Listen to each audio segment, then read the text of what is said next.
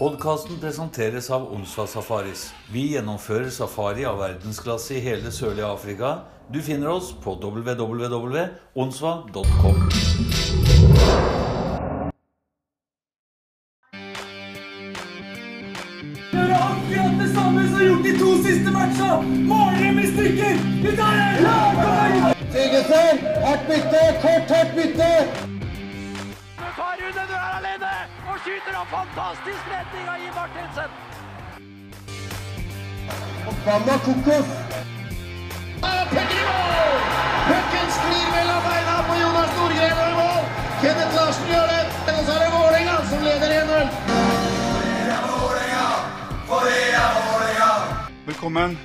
episode 41 av podkasten Blant kokos og kålabi'.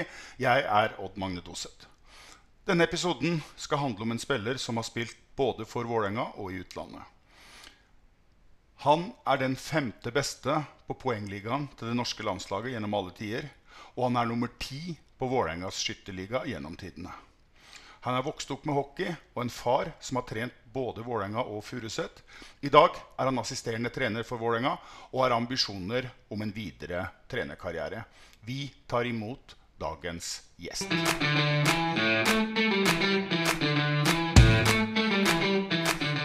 Og nå må vi prøve å få til noe fornuftig, og det er strålende pasning, og nå er det oss! Og nå er det 1-0! Hvilken fantastisk pasning! Er det Ask som eh, sender av gårde den pasningen, da? Ask som står eh, ute på, Ja, på blue line. Ja, setter den inn! Da har vi to mål på Powerplace. To av tre. Ja, her styrte han eh, den eh, helt riktig vei for eh, Norge. Ask har bevist eh, mange ganger tidligere at han er en eh, god spiller å ha i, i Powerplay, og gjør et riktig valg fra blue line der. Et ja. håndleddskudd. Hadde jo til og med en av assistene på første scoring.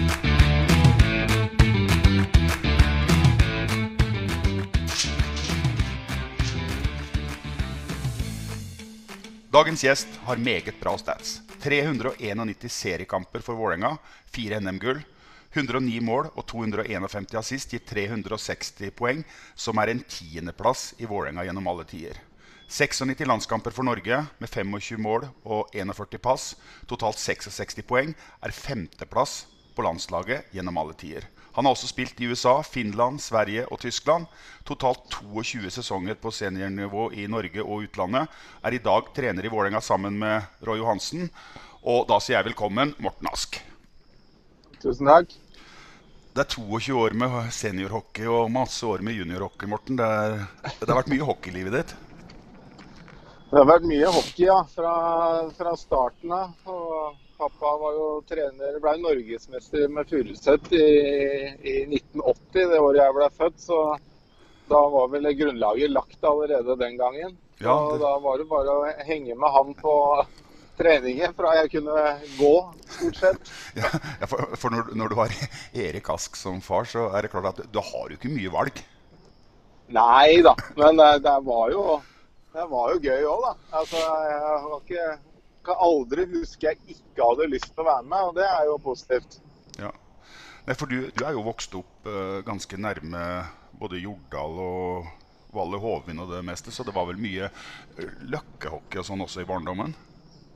Ja, jeg vokste opp midt imellom uh, mellom Jordal og Valle Hovin, som gjorde Det var jo lett å gå ut og spille fotball når det var mulig, og gå og trene hockey om vinteren. Så, og vi hadde jo alt lagt til rette. Vi, vi ordna noen mål fra Jordal, husker jeg. Vi, da var jo Lasse Fredriksen og jeg og et par naboer som eh, spilte oppå Løkka der og fikk noe gammelt utstyr av I. Martinsen med snapper og skinn og sånn. Og pappa lagde is på banen, og da var det liksom bare å komme hjem fra skolen og kaste sekken inn og ta på seg skøytene og opp der og spille. Det var eh, det var, det vi gleda oss til oss mest eh, hele dagen.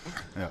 Og, det, og det, det var jo løkkehockey, men du, du kom også tidlig inn i organisert uh, trening, både i fotball og i hockey?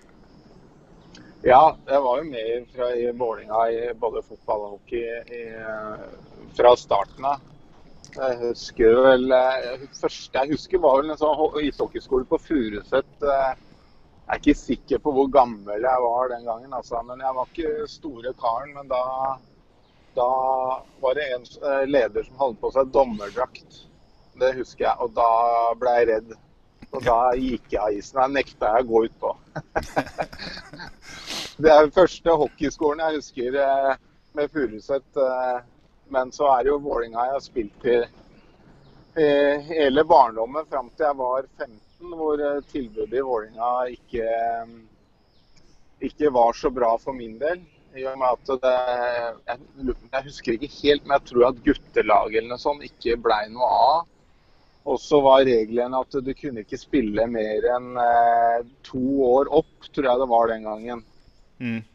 Og da, og da var ikke tilbudet i Vålerenga der, så da dro jeg til Furuset, som hadde et eh, veldig bra guttelag. Med Thomas Asbjørnsen og Kenneth Gunnerud som trenere, som Mm. var eh, veldig ivrig. Så det var jo det var et godt valg å dra dit den gangen. Ja. Det, og Der spilte du også sammen med Alexander Nervik og Jarl Espen Ygranes og flere andre som du har spilt med i Vålerenga. Ja da. Ja, da var eh, Ja, Lesben og Nervik var i hvert fall der. Jeg er ikke helt sikker på om eh, det var noen flere som var i Vålerenga som, eh, etter det, som eh, var på det laget den gangen. Mm. Men det var jo, de var 79-årgangen, det, da. Ja, ja, ja. Ja. Men da, da- fikk du også ganske tidlig eh, debut på, i toppserien på seniornivå. Ja, vi spilte jo i, i gamle Furusetdalen, der Ikea er i dag. Og så øh, rykka vi opp. Og så blei den hallen revet. Og så skulle de bygge, bygge på Furuset. Nei, på, ja, ved Furuset senter, det nye. Og da måtte vi spille et år i Grünerhallen. Eh, Så det var vel første, første sesongen min eh, var jo i Grünerhallen. Jeg, jeg, Det var det. Jeg, jeg hørte et rykte Morten, om at eh, det var litt av en debutkamp du fikk. Det var et eller annet med, var, var det mot Trondheim, og det ble litt tumulter? Det var jo det var litt morsomt. da. Første, vi var jo tre. Det var Marit Andersen og Petter Sæther og jeg. Vi debuterte vel samtidig. Og det var en bortekamp i Trondheim, i Dalgård ishall. Det Leangen var eh, Der var det jo feil med kjøleanlegget. Og Dalgård ishall, det er eh, den, eh, den er ikke stor. Og den, eh, så hadde det vært et eller annet eh, Jeg har aldri egentlig skjønt helt hva det var. Men jeg tror det handla om Stiv Allemann som hadde vært i Trondheim eh, eller noe sånt. Og så hadde det skjedd et eller annet der. Så det var vel Per Christian Velland som starta det kaoset der oppe. Ja, riktig. Eh, og da var vi tre var på isen, men eh, vi var jo ikke en del av det. Vi ble bare dratt av inn i boksen, og så kom noen av de eldre, litt mer eh, robuste gutta kom utpå og fullførte. Ja, ja. Ja, så det var, eh, det var kaos i den kampen, men eh, ja. Det var, det var en tøff start på, på voksenkarrieren. Da, var det, da visste du hva som gjaldt fremover. Så, men det var bare én sesong i Furuset, og så kom du til Vålerenga 98-99. Ja. Jeg kom til Vålerenga sammen med Bård kom fra USA, og, og jeg kom fra Furuset. Vi var vel jeg lurer på om vi var de eneste nye norske det året. Mm. Og så sammen med noen svensker. Men eh, det var første året, ja. I Vålerenga. Og, du, og du, du, du noterte 20 poeng i grunnserien eh, og spilte 35 kamper. Og du var jo ikke så gammel. Nei, jeg var jo 18 år da. Så, men eh, var, vi hadde jo kjempelag da, i Vålerenga den gangen. Det var jo Jan Roar Fagerli, Geir Hoff, eh, Atle Olsen, eh, Marius Ratt, Rune Fjelstad. Så det var jo en del spillere som hadde vært med en vinterdag før der. Og da er det faktisk litt lettere som, som ung spiller å komme opp når du har den tyngden av eldre spillere foran deg. Det gir en sånn trygghet eh, til å ja, tørre å prøve, men eh, og ikke minst eh, gjøre feil. Da. Man fikk jo litt kjeft og litt sånn. Man var jo ung og naiv og prøvde på, på litt sånne juniorting. Men det var jo alltid en trygghet å ha de, de gode, gamle gutta der. Ja, ja, ja. Ja, da var det tre sesonger i, i Vålerenga. Det ble to NM-gull, og, og du skåra du, du gjorde det jevnt bra med poeng hele tida. Og jeg har jo tenkt på det, Morten, at eh, de åra du har vært borte, som vi skal gjennom litt av, så eh, har du ikke så mange sesonger i Vålerenga. Du har jo likevel eh, en tiendeplass på poengligaen gjennom alle tider, og det er bra. Du er, du er bra til å plukke poeng. Ja, ja da. Altså, det har jo det har jo gått sånn noenlunde jevnt og trutt. Eh, Det er vel noen sesonger som ikke har vært like bra som andre, men eh, sånn er jo hockeyen. Det er, eh, det er Noen år funker det, og man spiller sammen. Noen år alt fungerer, og andre år så er det litt mer motbakke. Det, det er det, men det har jo gått jevnt og trutt. det har det. Så det er vel hyggelig med en tiendeplass på, på den lista. Mm, mm. Men da gikk uh, turen til uh, USA. og uh, Si litt om det. For du, du spilte universitetshockey. Du gikk også på skole der borte, gjorde du ikke det? Nei, jeg gjorde ikke det. Jeg hadde tenkt det. Jeg fikk Jeg hadde scholarship-tilbud fra, fra tre college. Det, var, det var Boston University, University of Massachusetts og Colorado College. Eh, men så er det jo sånn at man må ha en sånn eh, SAT-test og en sånn eh, som heter TOEFL-test. Eh, som man alle må gjennom. Og det, der fikk jeg ikke nok poeng. Jeg fikk ganske bra med poeng, men de ville ikke slippe meg gjennom noe som heter NCAA Clearinghouse. Mm. selv om jeg visste jo at andre hadde dårligere resultat enn meg som kom inn. Så det har jeg egentlig aldri fått noe godt svar på. Men eh, det, en av grunnene kan jo være at jeg hadde spilt eh, her i Vålerenga. For da har man jo Det er jo bare en proff liga, som, sånn som de ser det. Mm. Selv om jeg ikke fikk noe betalt, så, så det har, kan nok ha hatt noe med det å gjøre. Uten at jeg har fått noe godt svar på det. Nei. Men eh, Men da dro jeg til, jeg dro til Laredo. Jeg var, hadde liksom lyst til å dra ut og prøve noe nytt og, og sånne ting. Så at, eh, da åpna det seg en mulighet i Laredo, Texas. Det ligger jo helt på eh, inntil Rio Grande på grensa til Mexi, Mexico. mm, Så det var jo en, eh, en ny opplevelse. mm, Det var det. Det var eh, Vi hadde en trener som het Terry Ruskowski. Han eh, var gamleskolen. Eh, veldig hyggelig og superålreit, men han var, han var ikke redd for å bytte bort folk. nei. Så der var det jo trading på akkurat som i NHL. og da, der var det sånn at eh, plutselig en dag når du kom inn på treninga om morgenen, så kunne utstyret ditt ligge i en svart søppelsekk, og da hadde du blitt bytta, bytta bort. Ja. Så, så man kommer jo hver dag på trening med litt med hjertet i halsen. Men, men, men jeg ser jo på, på statsen din, Morten, at du fikk jo 48 kamper og gjorde 51 poeng eh, også i Laredo. Ja, ja det løsna. For jeg husker i begynnelsen så sleit jeg noe veldig. For at det var eh, Det var en omstilling til små baner, og så var det jo utrolig tøft og stygt spill. Altså, det var rett og slett en overgang eh, selv for meg. Det var eh, det var mye slåssing, og folk var ute etter deg rett og slett hele tida. Mm. Så at jeg sleit vel i en 15 kamper. Eh, men jeg husker faktisk når det løsna, og spilte bortekamp mot Corpus Christi. Det ligger jo helt ut mot Mexicogolfen. Uh, hvor amerikanerne har en, eh, en, eh, en eh, militærbase. Og da skåra jeg i åpent mål. eh, I seks mot fem. Og da, etter det så bare løsna alt. Da bare Da, da rant poenga inn, egentlig. Mm, mm.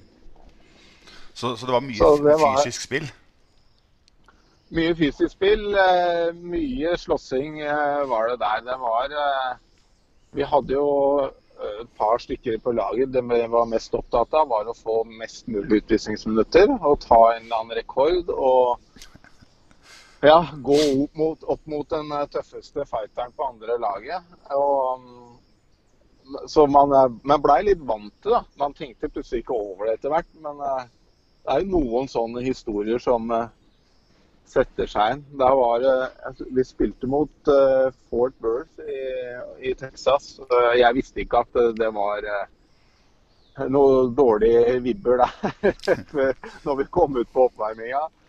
Men da begynner det med at det kommer et slagskudd fra andre sida av banen. Eh, over på sida vår. Og da var det bare at alle lina opp på rødlinja. Og jeg blei jo Jeg hadde jo aldri vært med på det her før, så jeg bare spurte han ene på laget hva er det som skjer nå.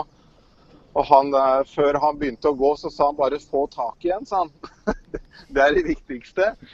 Så da var det bare å ta tak igjen og håpe han ikke var, eh, var tøffere enn det jeg var. Men eh, det løste seg greit da, for min del, men det ble jo full slåssing på oppvarminga. Ikke noe dommer, ingenting. og Bare holdt på til roa seg av seg sjøl. Og så var det inn og, og slappe av i 20 minutter, så var det ute og spille kamp. Da, og jeg tror ikke det ble delt ut én matchstraff, jeg. så det, det er litt annerledes enn det det, det var her. Men eh, du- blei trada, og da var det Toledo. Eh, nei, det var når jeg var i Toledo. Ja, ja, ja. Så, så hadde kom ikke vi til sluttspill. Jeg spilte ganske bra. Jeg ble tatt ut på All Star-team i hele ligaen og gjorde det ganske bra. Og så på trading deadline, jeg tror jeg lurer det var 3. mars klokka tre, så ringer en av en jeg spilte med året før, eh, som heter Eric Schneider, som spiller i Las Vegas. Og han, eh, han spør om jeg er interessert i å komme dit. Eh, Da, da var det var, klokka tolv, da var det tre timer til deadline. Så sa jeg ja, altså jeg, Det hadde jo vært gøy, det. Det var jo sluttspillet, og det var jo morsom by. Og tenkte det her er en opplevelse. Og så hadde de faktisk en som het Cam Bristow, som spilte i Frisk Asker, var på laget. Og de hadde ganske voksent lag.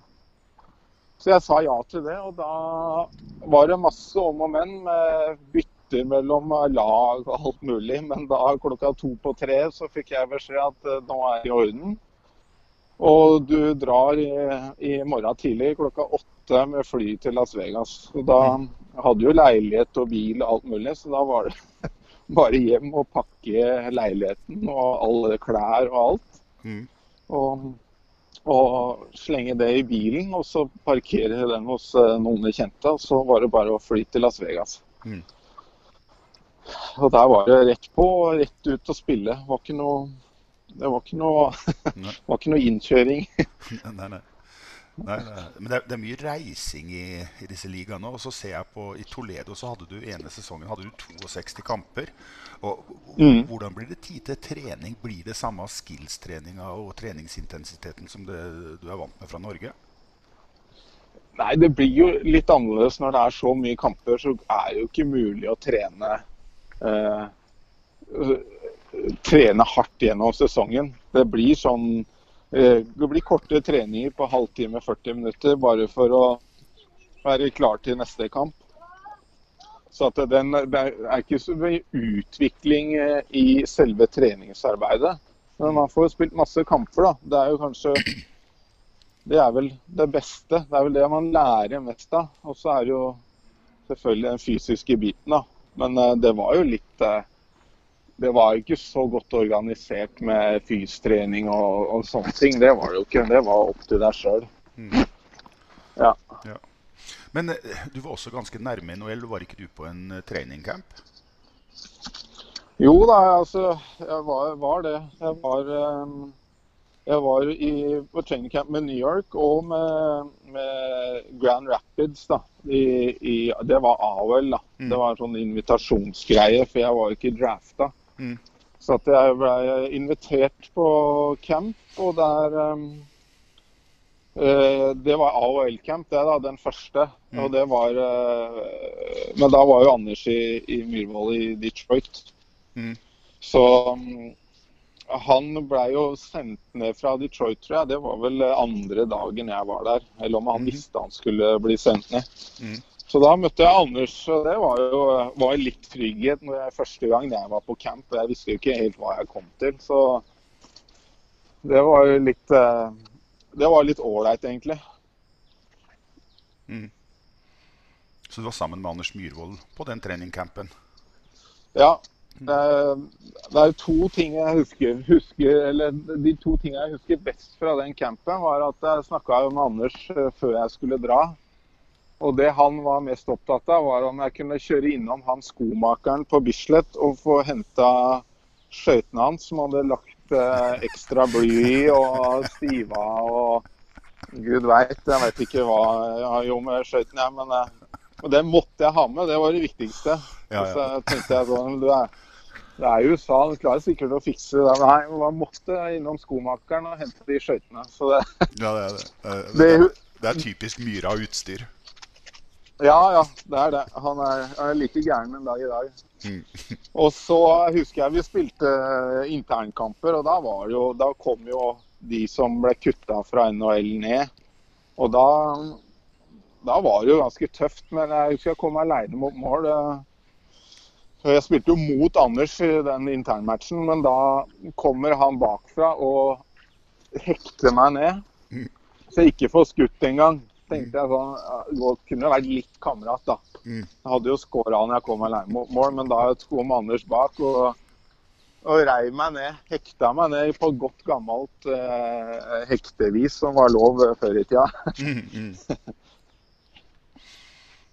Men eh, du kom tilbake til Norge og du kom tilbake til Vålerenga. Du kom jo inn i den famøse 2004-2005-sesongen. og da fikk du spille på et av de beste Vålerenga-lagene som har vært gjennom tidene.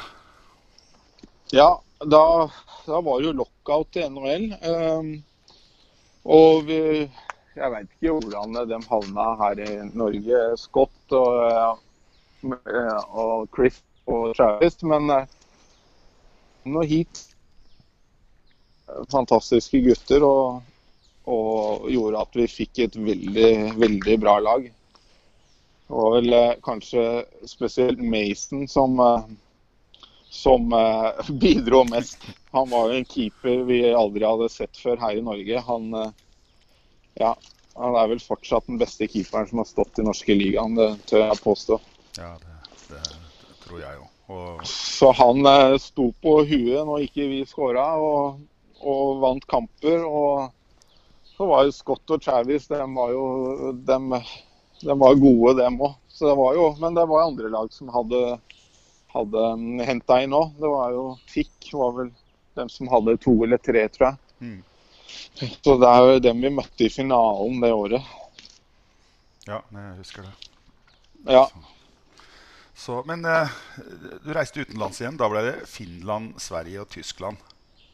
Ja.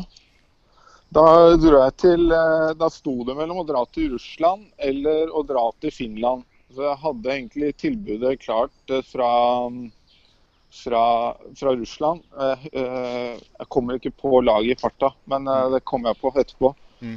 Men så valgte jeg å dra til Finland og til Saipa. da. Det var jo ja, helt uh, en liten by. Det er ikke mye spennende som skjer der. Mm. Og så mm, hadde et andre uka på is, så, så her har vi, spiller vi, skal vi spille tre-fire bytt på treninga, hvor det kommer en eh, og takler meg bakfra en meter fra, fra vantet. Mm. Så når jeg skal ta meg for da, så, så ryker jeg et sånt bånd i håndleddet, rett i nakel. Som gjør at scenene senene hopper ut. Så da måtte jeg inn og operere. Og var ute i tre måneder, tror jeg var ute da. Og det var jo en litt tøff start på å komme som utlending inn i eh, finske ligaen. Jeg var jo første nordmann i finske ligaen òg. Mm. Eh, så da, den sesongen blei Det ble, var ikke lett å komme inn da og få til noe da. Sånn, eh, men jeg spilte vel Jeg vet ikke, jeg husker ikke hvor mange kamper jeg endte opp med å spille. Det var jo 25 kamper, kanskje. Mm. Ja. Så det var litt synd. Men så ble det um, kom jeg hjem og var her om sommeren, og jeg husker jeg møtte Håkan Sødegren. Det var um, og spurte om et møte. Det var vel på gamle, gamle Odeon, for dem som husker det. I Bogstadveien. Det, det, er mange av spillere på de åra der, 2, 5, 6, Ja. 7, som, som veit veldig godt hvor Odeon er. Det er mange som veit hvor Odeon er, det er helt sikkert. Eh, Så dem som er gamle nok, dem veit Men da spurte Håkan om jeg var interessert i å komme til Djurgården. Eh, Og det var jo. Djurgården er jo kjempeklubb, og Espen hadde vært der. Og det var jo Ja. Det er jo en av de mest ærverdige klubbene i, i Sverige, så det var ikke noe tvil om at jeg hadde lyst til det. Mm. Så det sa jeg ja til, og skrev en uh, toårskontrakt med Djurgården. Så det var Håkan som, eh, som hjalp deg til Djurgården?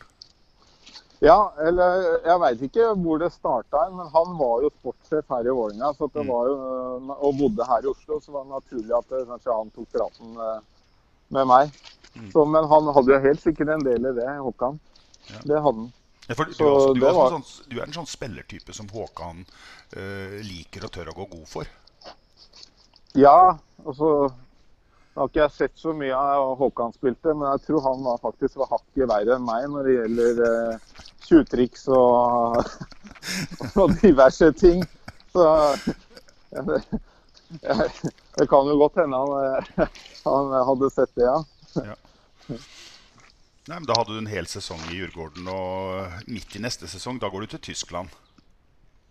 Ja, vi, gjør egentlig en ganske bra Eller personlig så går det egentlig ganske bra den første sesongen. Eh, til å ikke spille noe powerplay eller noe sånne ting, så tror jeg jeg hadde 19 eller 20 poeng jeg, den sesongen. Med minimalt med offensiv spilletid, da, sånn i, der. Og, det, og så kom jeg året etter, og da var det en del utskiftninger i laget og sånn, og jeg eh, følte meg, følte meg bra og var klar til å, å sette i gang. Og følte også at jeg kanskje burde fått litt mer sjanser, da. i- Sånn i forhold til eh, istid, ut ifra hvordan laget presterte. Eh, jeg hadde vel gjort et ganske bra VM det året også. Så jeg visste jo at jeg hadde kvaliteter til å kunne bidra mer i det laget. Men eh, treneren eh, så ting annerledes. eh, Og etter noen møter frem og tilbake der, så, så sa jeg at jeg, jeg jo, har jo lyst til å spille og utvikle meg. Jeg, jeg har ikke lyst til å bli holdt tilbake, selv om jeg kanskje er litt mer konservativt i, i Sverige sånn sett. At man må bevise enda mer for å få mer tillit. Men eh, da fant jeg ut at da, har jeg, da jeg, vil, jeg vil spille. Jeg vil spille masse hockey og utvikle meg på den måten. Så da hadde jeg et møte med de, og da ble vi enige om at jeg kunne dra med, med, med visse betingelser. Da. Og det var jo at jeg ikke kunne spille for noen andre svenske klubber, verken i Eliteserien eller Allsvenskan, så lenge kontraktstiden min egentlig var. da. Mm, mm. Men uh, jeg hadde jo ikke tenkt til det. Jeg hadde jo klart med Tyskland, så at det var jo ikke noe problem. Men Tyskland er heller ikke noe dårlig liga. Nei, det er jo det var, eh, var og er det. Det er jo litt eldre spillere. Det er litt mer eh, med, Hva heter det for noe? Det er litt mer ryddig spill. Det er eldre amerikanere og canadiere og, og noen tyskere. Så det er ikke noe dårlig liga. Det var det overhodet ikke. Og vi, vi hadde egentlig ganske bra lag når jeg kom til Duisburg, men uh, vi sleit jo litt uh, poengmessig. Mm, mm, mm. det gjorde vi. Men eh, eh, jeg har også hørt fra tysklandskarrieren din at eh, du på et tidspunkt som ganske ung egentlig måtte ta over og være med som spillende trener. Ja. Eh, Det som var at vi hadde jo en, en eh, tysk legende som heter Dieter Hegen, som, mm. som eh, var trener. Eh, Og han var eh, Han var jo gladgutt eh, sånn sett, og glad i litt eh, skjenk og litt sånne ting. Men han var ikke så opptatt av hvordan vi skulle spille og alt sånt. Han mente at det her han mente vi var såpass gode alle sammen at det her kunne vi løse sjøl. Det her var ikke noe problem. Det her må dere finne ut av sjøl. Det var vel Han er vel en av de beste tyske spillerne gjennom tidene. Det var kanskje sånn den gangen at han Det var bare å gå ut og spille. Men eh, det her var ikke så enkelt. Så han, eh, han, eh, han fikk jo da sparken. Og så kom en annen tysk legende inn, som heter Peter Dreisaitl. Som også er faren til han um, i Edmund Oilers. Som var en eh, fantastisk bra trener, eh, etter mine øyne. Det var eh, orden, og han gjorde ikke forskjell på folk. Og hvis du ikke jobba hardt, så var det eh, der. Og superålreit fyr. Og det var jo eh, Det var jo første gang jeg fikk se eh, han uh, han eh, seg til i, i Edmonton nå. Han fløy rundt oss og spilte hockey i gangene. Det fikk jeg vite her for to måneder siden, at, han, at det var han. Men, eh, så det var litt sånn morsomt. Men eh, så røyk vel han uklar med eieren, fordi at han ville ikke høre på hva han hadde lyst til. Eh, Om hvem som skulle spille hvor og hvor mye og sånn. Eh, Så det skjønner jeg jo egentlig som trener. Hvis en, en, eh, et styre og en eier skal gå inn og fortelle at nå må han, dem må spille, og han må spille, og han må spille. Så det fant ikke han seg i. Så at da fikk han sparken òg. Og da hadde vi var ikke Vi hadde ti kamper igjen av sesongen, hadde vi. Og da visste vi ikke hva de skulle gjøre, egentlig. Så det var jeg og en som heter Jean-Luc Grantier, som var da kaptein. Jeg var assisterende kaptein. Mm. Så vi sa at det her fikser jo vi. Eh, og så sa de men vi må ha en du må ha lisens i Tyskland for å kunne få spilt kamp. Så må det være en trener på benken som har lisens. Men da viste det seg at en på kontoret som drev med noe marked han hadde faktisk tatt alle de trenerkursene. Men hadde null erfaring, egentlig, eh, fra seniorhockey. Så han stelte vi i boksen. Og så hadde jeg videomøte før kampene med god gammeldags eh, på VHS og klippet og styra og herja. Mm. Og så var det han og jeg som styrte de siste kampene. Og det er jo var noen utfordringer med at vi hadde for mange utlendinger. Og at eh, både jeg og han var utlending sjøl. og da må du sette ut noen. Noen, eh, en, en kan ikke få spille. Så da ble jo tatt noen eh, Det var jo ikke noe lett valg. Det var jo ikke noe lett situasjon å være i det. At man eh, må sette ut en av lagkompisene dine plutselig. Men eh, sånn ble det nå. da. Så de ti siste kampene så tror jeg husker ikke helt, men jeg tror vi vant seks av ti. Ja. Mm. Om det var fem av ti eller seks av ti, og det var ikke så gærent. da. Hadde vi hatt det sånn hele sesongen, så hadde det jo vært eh, ganske bra. Ja, ja, ja. Ja. ja.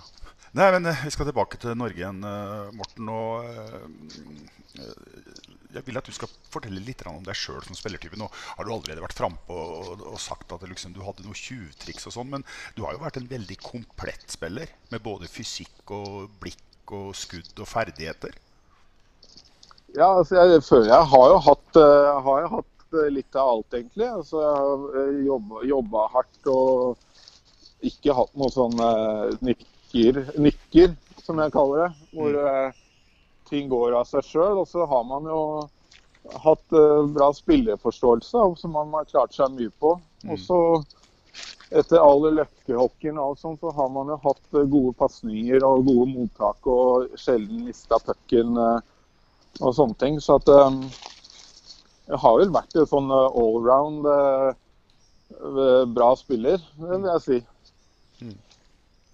Nei, jeg, jeg satt og gjorde litt research her nå jeg, Det er jo begrensa med research jeg trenger å gjøre på deg, for jeg kjenner deg jo egentlig ganske godt. Men, eh, men eh, Og jeg husker jo eh, Jeg tror det var åpningskampen i DNB Arena.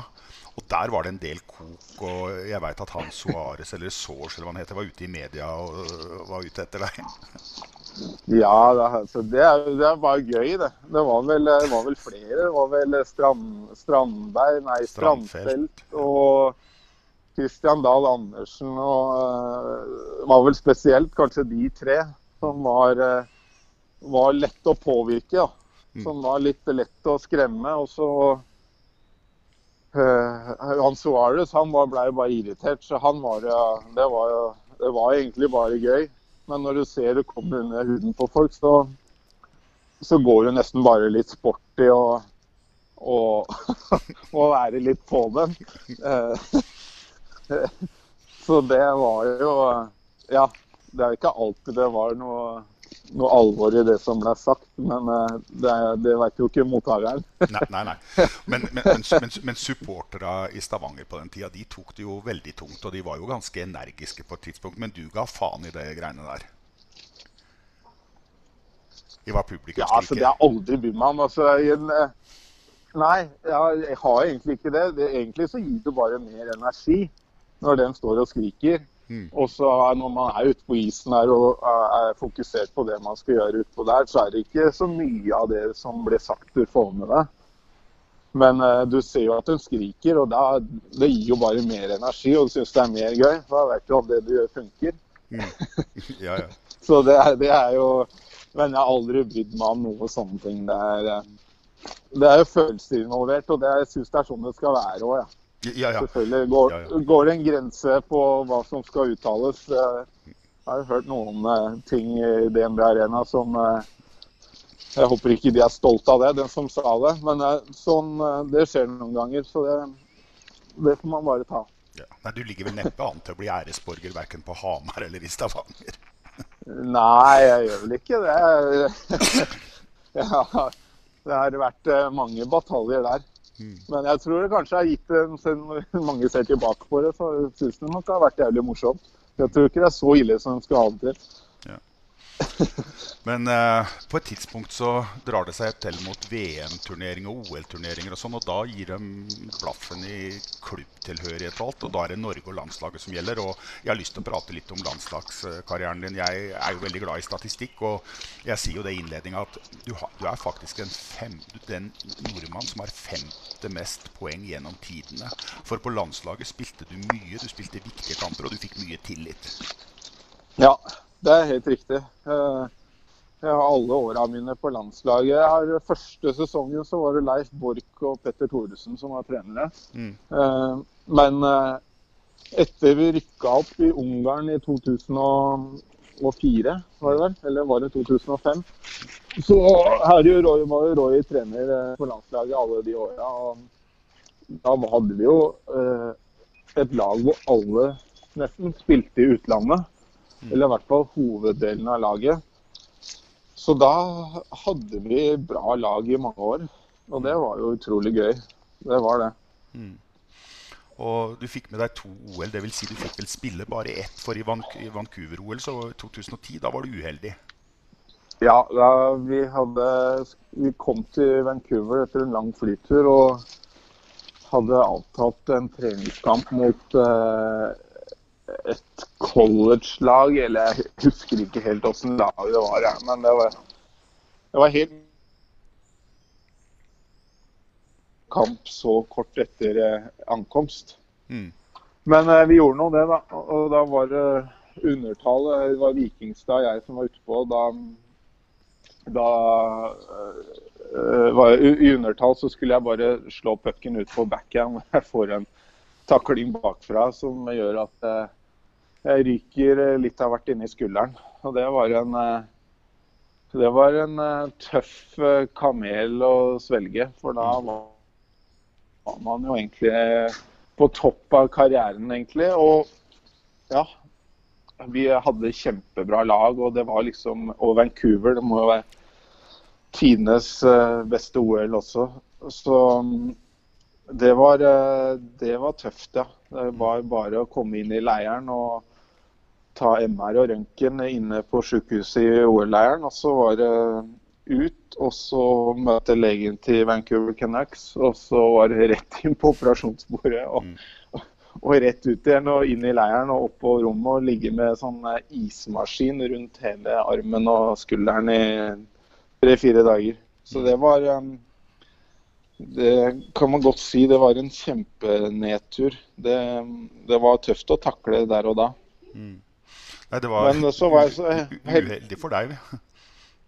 Ja, det var det. Men eh, jeg var så heldig at jeg fikk lov til å være der, da. Eh, Noe som ikke er helt vanlig. Men eh, hvis man har blitt skada, så må man ut og levere inn akkrediteringa si. Men eh, de fikk ordna sånn at jeg fikk være der med og rundt laget. og det det, det var veldig viktig sånn sett i ettertid. Jeg forsto det jo ikke der og da, så var det så mye annet og andre følelser. Men eh, det hjalp veldig, faktisk. Å få være der og være en del av laget og hjelpe til rundt laget og legge til rette for gutta og sånn. Så det, det, det gjorde faktisk den skaden eh, litt lettere å svelge. Selv om det er rart. Man blir jo helt spille. Ja. Nei, jeg, jeg dro jo fordeler av det, for jeg hadde et kundearrangement med, eh, med en haug med folk. og Vi skulle se Norge-Canada på storskjerm, og da benyttet jeg anledningen til å ta kontakt med deg. Og da stilte du opp på et uh, telefonintervju på storskjermen. Ja, ja. Ja, men det er jo, det er jo gøy. det, og Interessen var jo bra rundt hockey nå. og det er jo, Jeg har alltid syntes at det er greit å stille opp, og har vært vant til det i alle klubber jeg har vært. om at eh, Det står i kontrakten din rett og slett, at du må stille opp om det er å lese bok for noen barn på skolen, eller stille opp på sykehus, eller hva, det nå enn er, eller sponsorer. så at det er alltid, det blei en del av det som var eh, naturlig for meg tidlig. Da. Så jeg har aldri sagt nei til noen sånne ting. Men den skaden var jo ganske lang, og da mista du også et VM. Jeg mista et VM eh, Jeg husker ikke, jeg lurer på det var VM i Mannheim. Mm. Eh, som var det året. Ja, det var det. Og den eh, skaden tok jo Det var litt eh, De sa det kan ta fire måneder, og det kan ta åtte måneder. Det var veldig forskjellig hvordan det her gikk. Men eh, når det var etter åtte måneder, så, og det ikke var spesielt mye bedre, så begynte man jo å lure lite grann. Og jeg husker på et tidspunkt så trodde de jo at det her var eh, satt mentalt. At jeg gikk rundt og trodde jeg hadde vondt i, i, i skulderen og ble sendt til sånn, en idrettspsykolog og alt mulig sånn. Og jeg skjønte ikke bæret av hva hun skulle fram til, i hvert fall. Og det endte med at eh, det var ikke noen mentale blokkeringer eller utfordringer, i hvert fall. For at eh, den skaden ikke var bra. Men så gikk det seg til etter hvert. da, jeg bikka vel akkurat et år. Da hadde jeg vel trent i noen uker eh, også og prøvde å komme tilbake. Hvor eh, jeg lurte på om jeg bare kom rett inn i sluttspillet til Vålerenga det året. Mm. Ja. Ja, du gjorde det. Ja. Og, men, men da fikk du jo med deg et VM til 2011, så var du jo uh, på plass. og Det var jo den kampen når vi Ja. slo Sverige 5-4 på straffer. Og i ordinær tid så hadde du ett Ja. mål og et assist. Ja, men eh, det morsomt. tror jeg. Jeg satt og så på noen gamle klipp inne i garderoben her for en måneds tid siden. og det var... eh, vi, Da så vi på den kampen, og det, det vekker gode minner, det. Det var, det var gøy. Mm. Ja, nei, det. Men eh, du fikk jo spille i et OL òg, for du var med i, i 2014. Sotsji. Ja, riktig. Sotsji var jeg med. Det var, det var utrolig gøy, det òg. Det, er- det var litt annerledes OL. da. Det var brukt mye penger og det var jo litt sånn eh, øde, egentlig. Men det, det var jo det var kjempebra, det òg. Herregud. Det var det. Men det var liksom eh, Vancouver i, i Hawkins hjemland var jo litt sånn Det var 20 000 på alle kamper. Tre ganger om dagen, liksom. Det var Om det var Norge eller hvem som spilte, hadde ikke noe å si.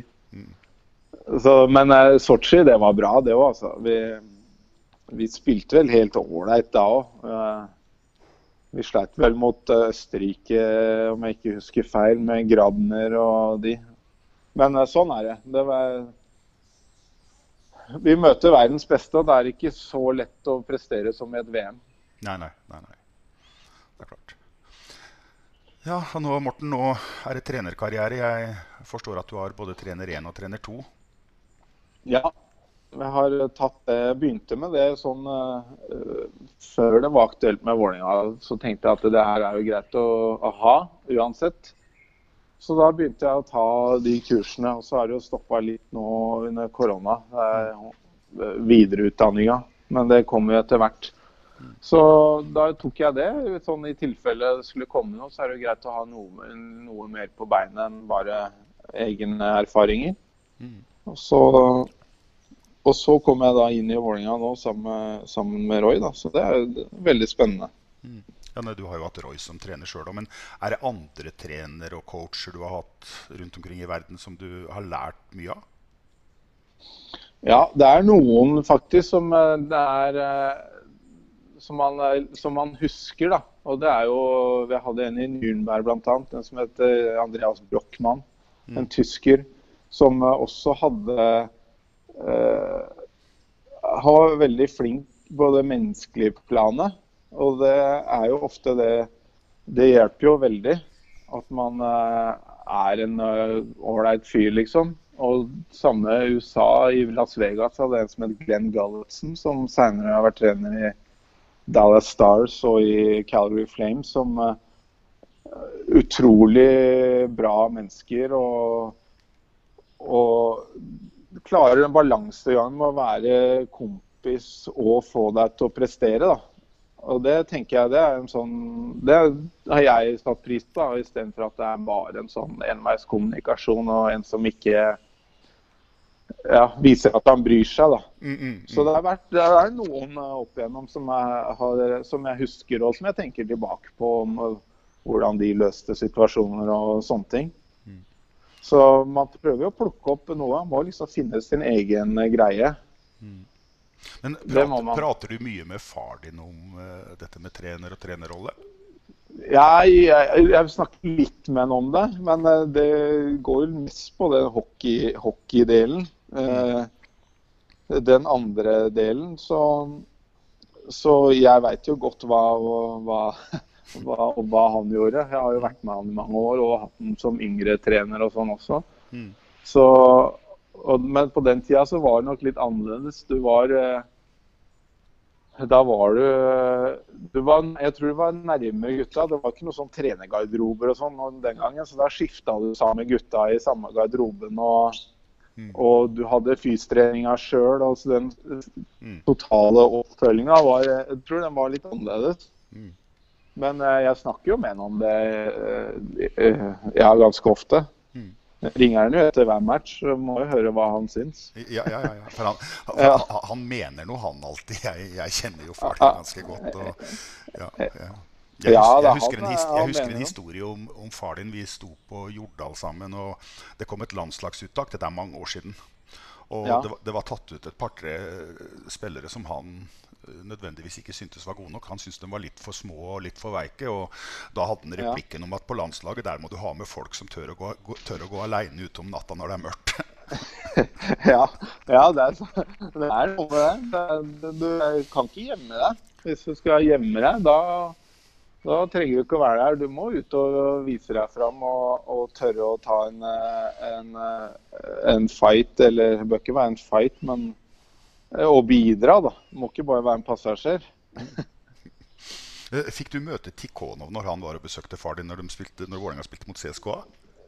Ja da, det var på middag hjemme i Lillebergveien. Hele den russiske trenerstaben og manager og alt sånn, husker jeg. Eh, men jeg ble sendt ned i kjelleren. Jeg fikk, jeg fikk bare hilse på når den kom, og så hadde de middag med tolk og, og diverse ting. Og så fikk ikke jeg være med noe mer. Det var jo greit. Jeg hadde, hadde vel ikke noe rundt det bordet å gjøre. nei, du, nei du, du var for ung til å være med der. Og du var også ikke gammel nok til å være med eh, Frank Vestreng og de på byen med russere etterpå. Nei, jeg var ikke det. Selv om jeg har hørt alle historiene. Jeg, jeg, jeg tror pappa visste om alt. Så jeg, jeg er ikke sikkert gutta trodde han visste det, men han visste alt. Og var det fettis å klatre ut av vinduet på Helsfyr hotell. Ja, så det, det er gode historier nå. Ja, og Særlig på en som, nå, som senere ble idrettsminister i Russland. Ja, ja, ja. ja. Det var eh, De levde nok et, et, vanskelig liv de, den gangen. Men eh, det er heldigvis blitt litt bedre, i hvert fall. Ja, Morten, du, skal, du er trener og eh, du får en trenerkarriere. Kan, kan jeg spørre deg om én ting? Har, Ja. har du en ambisjon om å bli en norsk landslagstrener? Ja da, jeg har det. Jeg har uh, ambisjoner om, uh, om, uh, å bli en god og trener. Så får vi se hvor langt det rekker. Men jeg har jo Jeg blir jo litt sånn samme som jeg var spiller, da. Jeg ser jo om man skal dra til utlandet på et eller annet tidspunkt i trenerkarrieren og sånne ting. Hvis man skal gjøre det. Så det ambisjonene er helt klart, er jo det. Det er bra. Men da uh, må man jo ta en del upopulære avgjørelser og ta ut noe lag og sånn. Og nå skal du få lov til å ta ut drømmefemmeren av de du har spilt med i Vålerenga. Ja. Jeg jeg litt på det. Det er ikke så lett å spille med så mange gode spillere opp gjennom åra. Men eh, altså, jeg kommer jo ikke, kom jo ikke utenom Marius Ratt. Eh, han kom jeg til. Han var liksom et idol også når jeg var liten. Mm. Å spille sammen med han, det, og hvor god han var. Selv om han var vel eh, på slutten av karrieren, men han, eh, han må være med på det laget. Mm. Og så er det vel um, På Beck-sida så er det Bård Sørli er med uten tvil. Mm. Det er en, en kriger som eh, alle lag trenger. Og, Roy, nei, og Bård tok den rollen til det ytterste. Så han må være med. Men andre bekk så er det er ikke, det er ikke så lett. Det, er, det står mellom noen gode offensive bekker. Men eh, det er jeg- Åkermann var jo god, Gjelstedt var god. Mm. Lars-Erik Lund. Det er, altså, det er ikke lett. Det er, alle, det er ikke lett å plukke. Men jeg får si Åkermann, da, som mm. satte rekord eh, den eh, sesongen der. Mm. Og så en eh, senter, så Patrick Engelund var fantastisk god, syns jeg, eh, når han var i Vålerenga. Og hadde en spillestil og en, en sånn Ja, som var, var Han var utrolig god, det syns jeg. Han hadde alt, egentlig. Han kom jo fra Sverige og, og ja. Han kunne nok hatt potensial til å være enda bedre. Og kanskje spilt i NHL en dag, syns jeg. Mm. Og så er det den siste um, er ikke så, Det er ikke lett, altså. Det er vanskelig det her. I mål er det Chris, Chris Mason. Det er eh, Han er beste keeperen jeg har spilt med. Det er uh, uten tvil. Men uh, ja, for ha, Det er ny, nytid og gammeltid òg, vet du. Det er eh, En av mine beste sesonger i Vålerenga hadde jeg med spilte jeg sammen med Olden. ikke sant? Det er, det er ikke lett. Men uh, vi ser hvem kan ha der på Jeg vil kanskje si Mashulda. Mm. Som en av de beste sånne Ja, spisskompetanse. Ja, fra Han fire Han var utro, utrolig god. Mm. Undervurdert spiller. Og Marsulla var også ålreit å ha i garderoben og på laget. Ja, ja. Han var, eh, han var super. Han var, eh, han var god. Han var Ja. Han, man lærer mye av noen sånne spillere som er så dedikerte. Ja. Nei, jeg, du, du tar ut Bård og uh, sier mye bra om han. og Jeg har lyst til å føye til en liten historie på slutten her, Morten. Og Ja. uh, Bård fikk jo en sentral rolle i forbindelse med utdrikningslaget ditt. Ja, det er riktig det. Og jeg og Bård jobba jo sammen i eventbransjen, og Bård kommer til meg og sier at nå skal Morten gifte seg, nå må vi sette opp noe skikkelig. Og det Ja. blei det ble vel et av de råeste utdrikningslaga jeg har vært med å arrangere, og jeg har vært på de jeg har sett. Ja, det, altså, jeg, jeg har vært på noen, ja. Men det var jo et fantastisk opplegg ut av en annen verden, egentlig. Det, er, eh, det, er, eh, det var utrolig gøy. Det må jeg si. Det var, eh, det var lagt sjela i det.